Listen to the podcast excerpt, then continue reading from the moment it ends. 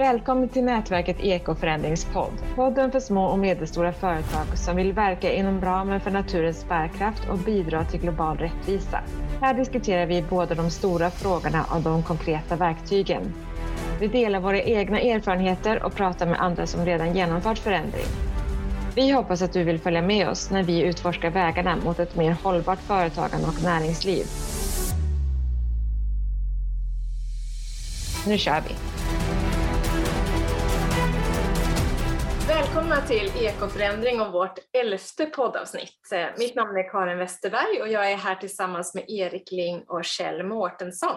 Och idag så ska vi prata om eh, verktyget ekostrategihjulet. Men innan vi startar med det så skulle jag bara säga att det nu är precis ett år sedan vi startade vår podcast. Så när det här eh, avsnittet publiceras så är det precis på vårt ettårsjubileum. Och för er då som kanske är intresserade av att se vart vi startade någonstans så ligger vår trailer uppe och eh, där berättar vi lite om vad vi ville med den här podden när vi startade den. Och vi pratar också om det året som gick 2021 i vårt nyårsavsnitt och där pratar vi också lite om hur vi tycker att det har gått att podda kring ekoförändring under det här året. I det här avsnittet ska vi alltså prata om verktyget ekostrategihjulet som eh, från början är ett designverktyg men som vi också tycker kan vara intressant ur andra perspektiv när man jobbar miljöstrategiskt arbete. Och eftersom ekostrategihjulet är en modell så har vi också lagt en bild på den modellen och lite litteraturhänvisningar i beskrivningen av det här poddavsnittet på vår hemsida. Men om vi bara översiktligt skulle försöka ge en bild av ekostrategihjulet så är alltså modellen formad som ett hjul med åtta olika kriterier för förändringsarbete mot en mer hållbar design av en produkt eller ett företags verksamhet. Om vi tittar närmare på de här åtta kriterierna som finns i ekostrategihjulet så är kriterie 1 att optimera funktionen. Kriterie 2 att minska påverkan under användning. Kriterie 3 att minska mängden material. Kriterie 4 att välja rätt material. Kriterie 5 att optimera livslängden. Kriterie 6 att optimera produktionen. Kriterie 7 att optimera resthanteringen. Och kriterie 8 att optimera distributionen. Och idag så ska vi prata om det här ekostrategihjulet, både så som den ursprungligen togs fram men också hur vi tänker att man ska kunna använda den för att dra upp ett miljöstrategiskt arbete i ett företag. Men skulle du själv vilja börja med att berätta lite var det kommer ifrån? Själva grundmodellen från början var väl inriktad mot att designa produkter för att minska påverkan på ekosystemet. Och jag tror faktiskt att det var en FN-beställning. Man brukar hänvisa till Bressett and Hemmel 1997 som också heter Ekodesign, deras artikel. Men sen har jag faktiskt använt mig av en van Venen från 1990. Det är en avhandling från en universitet i Amsterdam. Så tittar man i litteraturen så är det både artiklar och rapporter som har använts av den här modellen på olika sätt. Men när man lyfter de här kriterierna då blir det intressant när man sätter in dem i till exempel en hel värdekedja, utvecklar nya värdekedjor, nya hållbara system. Då får ju de här liv, för då måste man ju också börja fundera över vilken kompetens och kunskap och vilken, vilka typer av samarbeten. Då kommer ju förmodligen också de traditionella företagsgränserna behöva suddas ut. Man behöver samarbeta med företag som man inte alls tidigare har, har samarbetat med. Tänk bara på en sån sak att eh, återanvända material. Ett sådant kriterium ställer ju liksom helt nya krav kan man ju tänka sig för att få tillbaka om man är en kylskåpstillverkare, man då ska använda plåtbitar i ett nytt kylskåp. Det finns redan företag som gör på det sättet. Men då måste man ju ändå hitta nya flöden, nya samarbets eh, där man samlar in kylskåp. Så. Erik, vad, vad ser du i den här modellen? Ja, jag ska ju först säga att jag, jag, har ju inte eh, jobbat egentligen praktiskt med modellen, men jag har ju läst in mig på den. Och jag skulle egentligen vilja fokusera kanske det här med funktionen. Att det är en viktig startpunkt för att komma vidare. Och egentligen funktionen, där ligger ju eh, samspelet med omgivningen, kunder och intressenter klienter och även konkurrenter som kanske kan bli samarbetspartner. Mm. Men, men, att hitta affärsidén utifrån funktion och sen att man i arbetet med att hitta affärsidén eller utveckla den naturligtvis, det är väl det vanligaste kanske, att det finns en affär som ni driver men att man vill utveckla den mot mer hållbarhet, mot ekoförändring. Att man jobbar sig igenom det här hjulet och utifrån det ser hur affärsidén kan och bör utvecklas för att bli mer hållbar. Och det är klart att man kommer ju säkert att hitta att delar i den befintliga affärsidén kommer inte att vara hållbar på sikt och då behöver man ju ställa om hela affärsidén exempel på det är ju till exempel fossildrivna bilar som håller på att fasas ut helt enkelt. Och då måste ju, och det ser vi ju, hur biltillverkarna ändrar inriktning mot elektrifiering. Men även mot sådana här delningstjänster som jag vet till exempel Volvo har gått in i. Där man från att kanske i dagsläget sälja bilar blir det frågan om att sälja transporter istället ja, nu blir jag lite visionär, men sen koppla det till big data och så vidare så kan ju en sån transporttjänst optimera transporterandet i samhället. Det är väl sådana tankar som slog mig när jag tittade på det här ekostrategihjulet som en modell för att skapa förändring. Det som du är ute efter lite Erik, är det att man skulle kunna ta det här ekostrategihjulet från en designmodell som det var från början. När man står inför att designa en viss produkt så kunde man använda det här ekostrategihjulet för att se att det får så lite negativ miljöpåverkan som möjligt. Men det som du säger är att man kanske snarare skulle kunna lyfta det och använda det som ett sätt att titta på och utveckla sin affärsidé. Ja, jag tror ju att som det ser ut nu med både den digitalisering vi ser och även så här, hållbarhetssträvanden i samhället så, så blir det mer att man behöver titta på hela affärsidén snarare än designen av en viss produkt.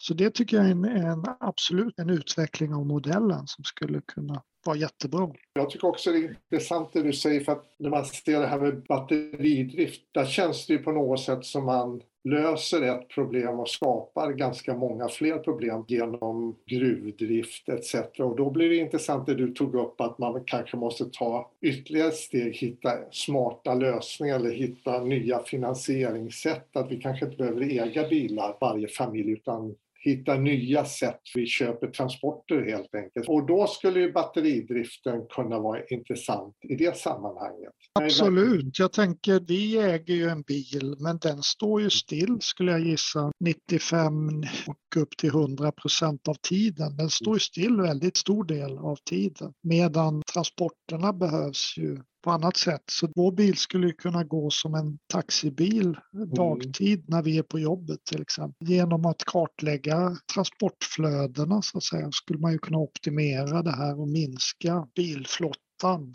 säkert enormt mycket. Det är väl egentligen bara fantasin som sätter gränserna som jag tycker är lite intressant med den tanken om att använda ekostrategihjulet för att se över eller förändra sin affärsidé, det är just det här med att om man sätter det första kriteriet i ekostrategihjulet, att optimera funktionen, då måste jag ju börja tänka samarbete, systembyggande, vilket kugghjul är det som jag är i det här större? Det är ju väldigt spännande och intressant men det kanske inte är riktigt så som vi varken lär ut att man ska tänka som företagare eller som många företagare gör. Jag tänkte på det Kjell sa här att batteridrift eller eldrift kanske bara skapar ett nytt problem. Men, men då kunde man ju använda det här ekostrategihjulet och så tänkte jag, ja, el blir lösningen men så börjar man titta vidare här på materialåtgång och optimering av livslängd och sådana här frågor och då kommer man kanske fram till att det här är inte på lite längre sikt hållbart och då måste man börja fundera på delningstjänster. För man kan ju fråga sig varför Volvo är intresserad att vara med där. Men då kan man ju i en sån här analys se att man måste komma vidare. Precis, för det gör ju också att det blir en otrolig utmaning och intressant utmaning egentligen på att skapa helt nya idéer, alltså affärsidéer eller vad ska vi kalla det för, systemidéer helt enkelt, där man samarbetar över hela system. Där kanske företag är inblandade i olika sådana här värdekedjor som går i olika riktningar. Absolut. Det blir, det blir ju det här att förstå sitt system och vilken roll man har där och hur man skapar värden inom ramen för systemet blir ju väldigt viktigt, tänker jag, framåt. Och då är det väl både ett ekonomiskt system, men det är ju också symbios med det naturliga systemet. Jag tänkte jag kunde nämna det. Jag var inne på nätet här och skulle handla en eh, tenniströja till, eh, till min dotter som fyller år och spelar tennis. Och då såg jag alla de här som tillverkar tenniströjor nu, i princip alla pratar om hur stor procent av materialet som är återvunna så här funktionsmaterial. Det är ju lite intressant att det blir en, en väldigt viktig faktor att visa på som ett försäljningsargument. De här kriterierna nu som står i ekostrategihjulet, redan nu när vi har pratat här så ser man ju att när man sätter in dem i de här sammanhangen som vi pratar om nu så får man ju formulera om dem så att de passar in. För att man, man märker ju också så som de står nu har sin grund i en designmodell med. Och nu pratar vi om utveckling av system och utformning av nya system.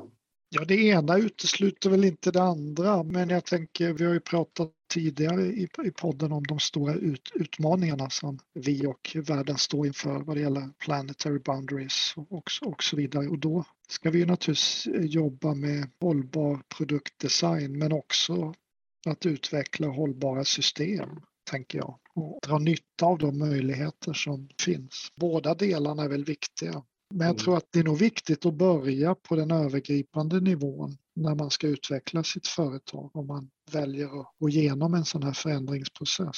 För då kan man ju identifiera så att säga, de potentialer som finns inom det man håller på med och vilka som blir vad ska säga, långsiktigt problematiska eller till och med kommer att försvinna eftersom de inte är hållbara. Det som vi har pratat om nu det är ju den här första kriteriet i ekostrategihjulet som är att optimera funktionen och att tänka sig funktion istället för produkt och kanske system och samverkan istället för att man ser sig själv som en enskild aktör som ska skapa någonting. Är det något av de andra kriterierna som ni känner är extra viktiga då att börja med eller att ta tag i där det känns som att man kan göra absolut skillnad förutom att tänka funktion? Nej, för jag tänkte, tänkte, på här innan också, oavsett hur, vi, hur smarta lösningar vi än kommer fram till så kommer det ändå skapa materialflöden. Och flera av de här är inriktade mot att på något sätt skapa kretslopp genom återanvändning eller få ner alltså hastigheten på flödena genom att öka livslängden på materialet och så. Det är materialflödet i slutändan som avgör hur belastningen blir på naturens system.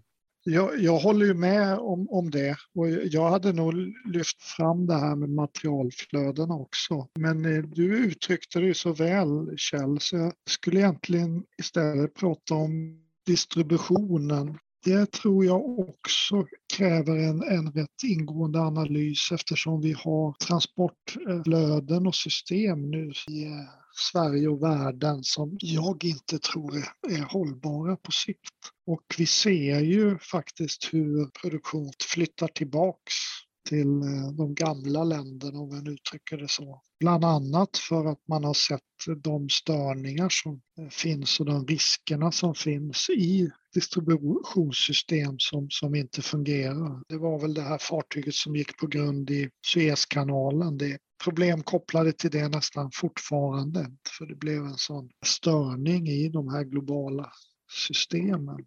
Så där känner jag att en, en, en mer långsiktig analys kring, kring de delarna tror jag är väldigt värdefull och där kommer man att också kunna koppla tillbaks till den här funktionen man vill uppnå och hur distributionssystemen ser ut och hur de kan bli hållbara på längre sikt.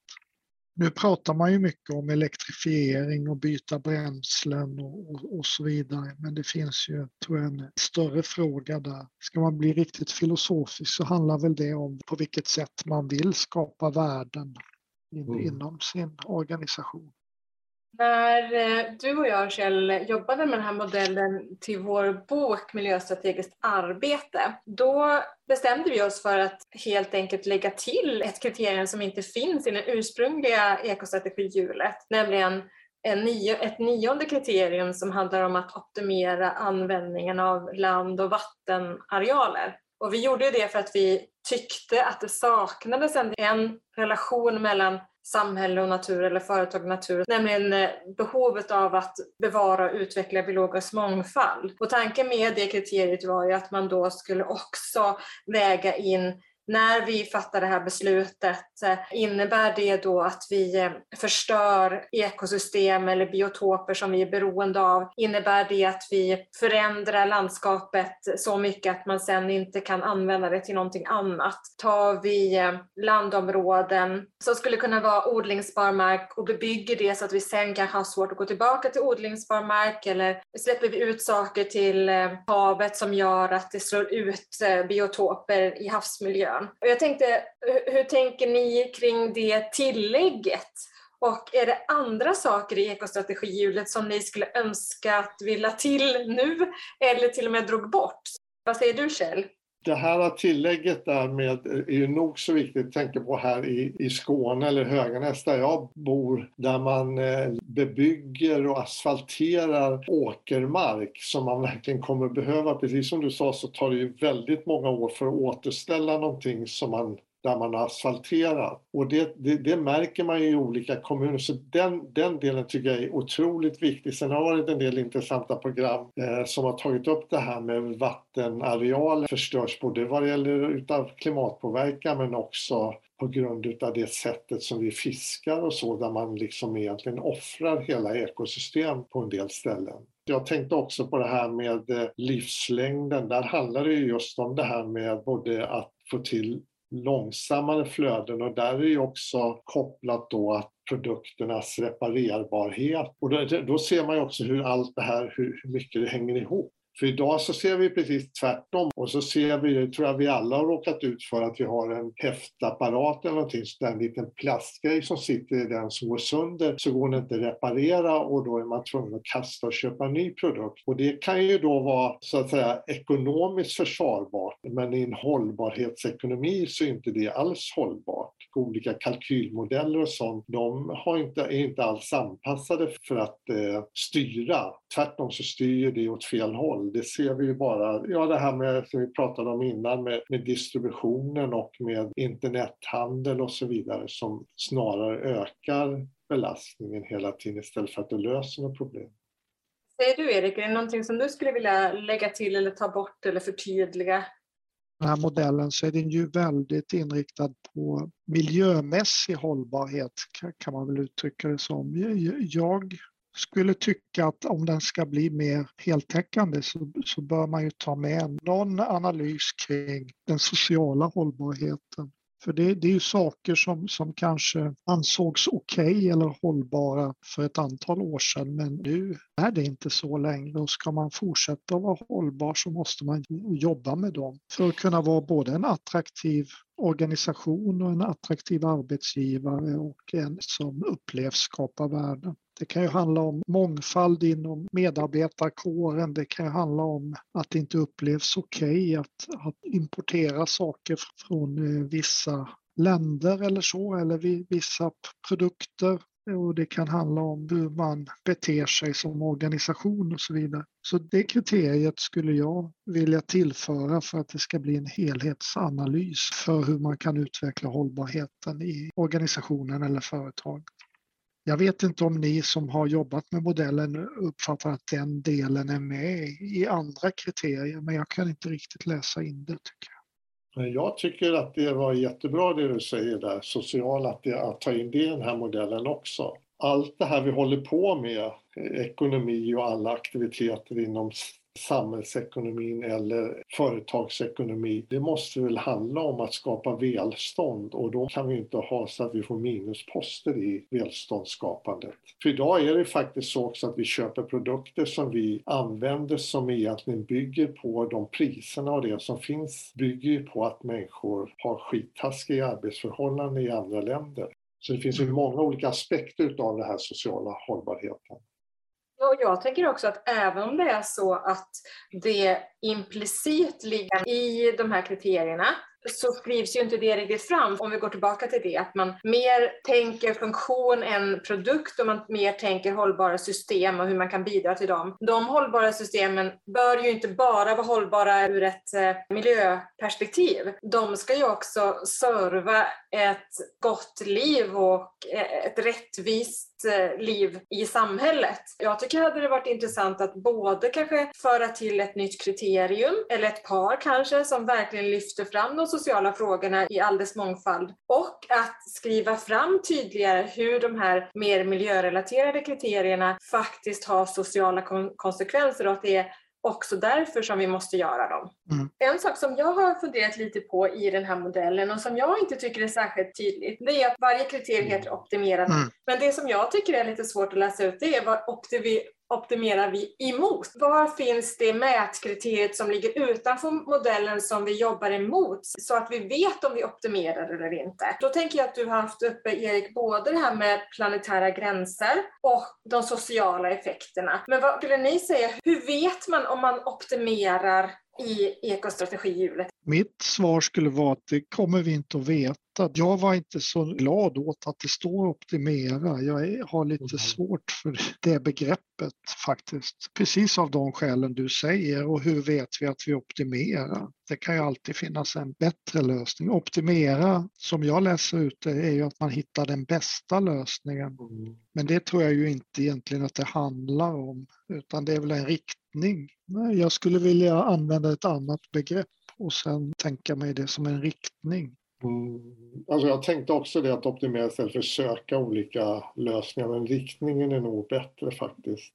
För att det är nog det närmaste vi kan komma på vad som är rätt och fel, att man ser vilken riktning utveckling eller olika val har. Och när vi vet de här planetära gränserna så borde vi kunna säga i vilken riktning vi går i förhållande till dem i olika val som vi gör. Jag tänker också att det är en riktning, det är en form av process eller utveckling. Men att man ändå mm. kanske kan använda antingen FNs hållbarhetsmål eller man kan använda planetära gränser eller både och om man lyckas liksom hitta sin egen modell eller bild av det. Och då skulle man ju kunna se att det jag gör nu, det minskar påverkan på land och vattenarealer. Eller det jag gör nu, det minskar utsläppen av eh, koldioxid. Eller det jag gör nu, det minskar försurningen eller eh, förgiftningen av naturen eller så. Nu tycker jag att det hänger lite löst vad det är som kan anses som ett steg i rätt riktning. Du menar då sätter in i en ram och runt den ramen så finns de här planetära gränserna eller de här FNs eh, hållbarhetsmål som ju fångar upp både den sociala och ekologiska hållbarheten.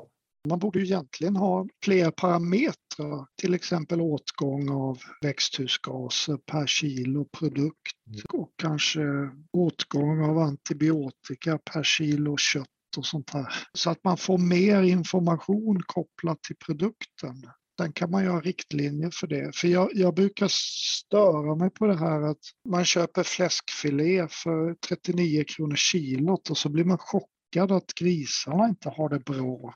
Eh, nu tänker vi oss att all information laddas ju egentligen i priset. Men det är väl många som har framfört att vi behöver ha mer, eh, mer flerdimensionella information med.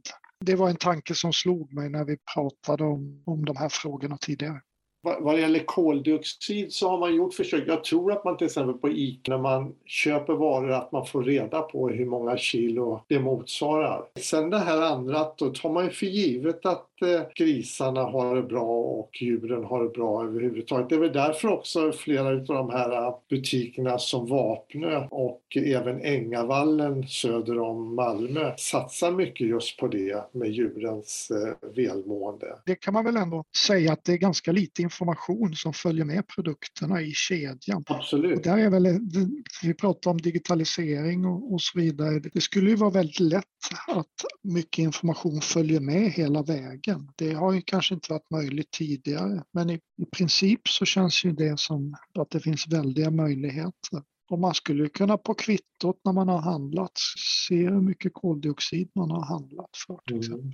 Jag tror också det är viktigt att ha väldigt enkla för att eh, man får ju väldigt eh, stora frågor som man ska ta ställning till i affären. Man kanske skulle kunna ha, som du sa då Erik, det här med digitala sätt. För det måste ju vara enkla signaler som vi får. Men jag tänker också att då blir det ju spännande för då har vi, vi liksom startade i att det här var ett designverktyg för att ta fram nya produkter och så eh, tyckte vi ganska snabbt att den kanske är ännu mer intressantare om man ser det som ett sätt att eh, tänka funktion och, och, företaget som en del av större sammanhang. Och nu, det som jag tycker ni är inne på nu, det är ju också att om man gör det, om man använder ekostrategihjulet för att hitta bättre affärsidéer, mer hållbara affärsidéer, då kan ju arbetet med ekostrategihjulet också lyfta vad man ska lyfta mot kunden. Om vi arbetar med optimering i de här olika kriterierna så får vi också en hel del fakta och vi får också en hel del förändring som vi skulle kunna marknadsföra eller visa upp för kunderna för att göra det möjligt för dem att välja bättre produkter eller funktioner. För ibland kan jag tänka att man arbetar med sitt miljöstrategiska arbete men så glömmer man kanske bort att det här är någonting som vi ska signalera utåt att vi håller på med, att vi är inne i en sån här process. Och att jobba så systematiserat som man kan göra om man använder ekostrategihjulet, det kan ju hjälpa till att synliggöra de här sakerna som man faktiskt också ska sen berätta om för sina kunder eller intressenter. Mm. Jag tänker att det kanske börjar bli dags att runda av, men jag skulle vilja se om vi kunde bli riktigt praktiska innan vi släpper iväg lyssnarna. Och då har jag egentligen två sammanhängande frågor och det är att om ni stod inför ett ekoförändringsarbete i era företag, vad skulle ni börja med då med hjälp av ekostrategihjulet? Och det andra är, hur skulle ni se på er egen roll som företagare? För jag tänker att den förändras faktiskt ganska mycket om man arbetar på det här sättet. Vill du börja Erik? Jag kan försöka. Jag tror att en startpunkt är ändå att tänka igenom funktionen och var man passar in och var den marknad eller det system man är inne i, var det är på väg givet de förändringar som vi ser då. Och där är som jag ser det två stora krafter och det är ju behovet av ökad hållbarhet och det andra är digitaliseringen. Utifrån de två förändringskrafterna se var min marknad är på väg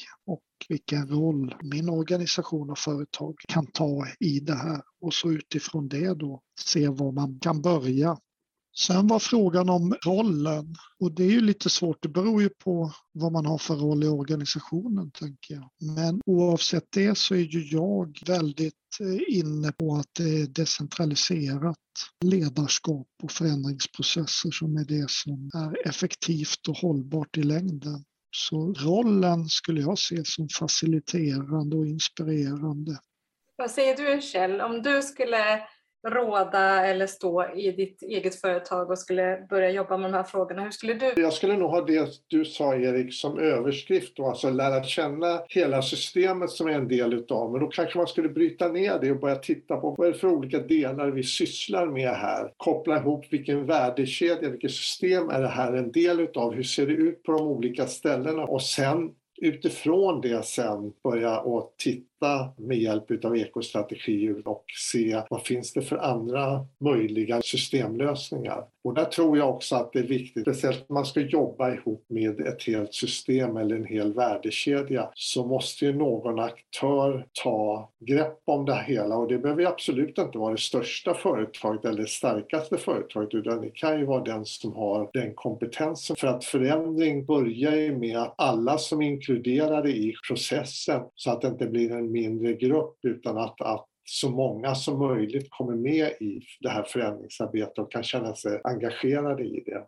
Om jag då tänker utifrån mig själv som soloprenör eller ensamföretagare så, så tycker jag att ekostrategihjulet är väldigt intressant för att jag känner att jag kan greppa Eh, den modellen. Ibland kan jag tycka när man ska jobba med miljöstrategiskt arbete att det, det, blir så stort, det blir så många aspekter och många faktorer och mycket data som man kanske inte har. Och är man dessutom ensam så, så kan man inte delegera eller vara ett team eller så som jobbar med de här frågorna. Men då tycker jag att de här eh, optimeringskriterierna, de ger mig ändå någonting att hålla i handen. Där jag tror faktiskt att de är formulerade både så skarpt så att jag tvingas att tänka också öppet öppet, att jag kan tänka in mitt eget företag i dem utan att känna mig som för litet eller känna som att jag inte kan förstå vad det här handlar om. Men sen tänker jag också att om man verkligen skulle ta det här som vi pratade om i inledning med att som företagare ska man mer vara med och tänka samhällsfunktion och systembyggande och så, så tycker jag det är väldigt spännande för då blir ju inte jag mitt egen lilla enhet som ska liksom fixa och dona själv här, utan då kan jag helt plötsligt börja se hur jag är en del av ett större nätverk och kan liksom ingå och söka kontakter med andra så att vi tillsammans kan eh, bygga system eller nya funktioner och det tycker jag är väldigt inspirerande. Och, och det, jag tycker det låter bra, alltså Karin, det här just att man kan hålla sig till det här ekostrategin för då, samtidigt som man gör det här arbetet så kan man förfina de här olika kriterierna som passar in i precis det företaget eller det systemet där man befinner sig. Då kanske det ska få bli slutordet för det här jubileumsavsnittet. Och så tackar vi alla er som har lyssnat både nu och under det år som har gått och hälsar er välkomna till nästa avsnitt som publiceras i sista fredagen i mars. Ha det så bra, hej då! Hej då! Hej då! Tack för att du var med oss idag. Vi hoppas att vårt samtal har gett dig något nytt att tänka på eller något nytt att pröva. Du hittar en sammanfattning av avsnittet och en lista över referenser på vår hemsida www.ekoförandring.se. Där hittar du också poddens tidigare avsnitt och mer från oss i nätverket Ekoförändring. Vi publicerar ett nytt avsnitt av podden sista fredagen varje månad. Varmt välkommen då! Och till dess, låt oss gå ut och förändra.